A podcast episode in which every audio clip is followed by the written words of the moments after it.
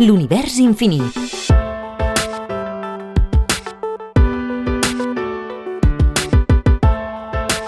Albert Morral, Agrupació Astronòmica de Sabadell. Richard Proctor i els primers mapes de Mart.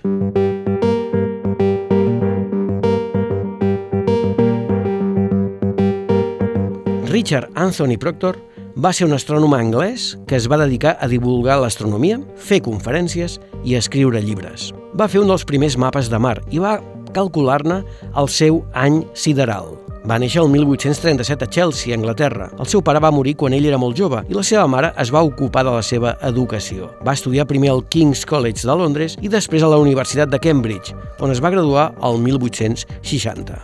Es va dedicar a l'astronomia i el 1865 va publicar un article sobre els colors de les estrelles dobles. Aquell mateix any també va publicar Saturn i el seu sistema, un llibre força tècnic que conté un relat elaborat dels fenòmens coneguts d'aquest planeta.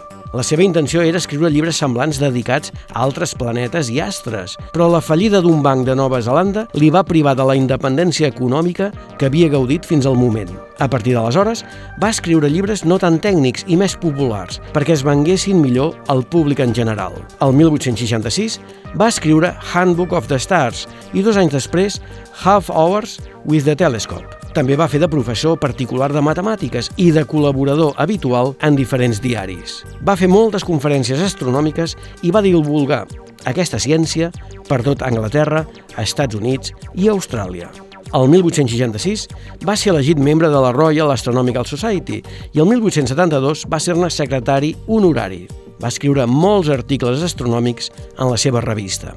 El 1888, després del seu segon matrimoni, se'n va anar a viure als Estats Units, on va quedar-se fins a la seva mort. Se'l coneix sobretot per haver fet un dels primers mapes de Mart, el 1867, gràcies a uns dibuixos fets per l'observador William Rutter Daves.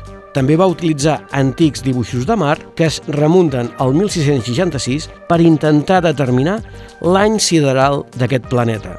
La seva darrera estimació va ser de 24 hores, 37 minuts, 22 segons, amb una diferència d'una dècima de segon del seu valor real. Impressionant. Va morir de febre groga el 1888 a Nova York. La seva obra més gran i ambiciosa, Old and New Astronomy, va quedar incompleta a la seva mort. Va ser publicada el 1892. La seva filla, la filla del seu primer matrimoni, Mary Proctor, es va convertir en astrònoma i una exitosa conferenciant i escriptora també.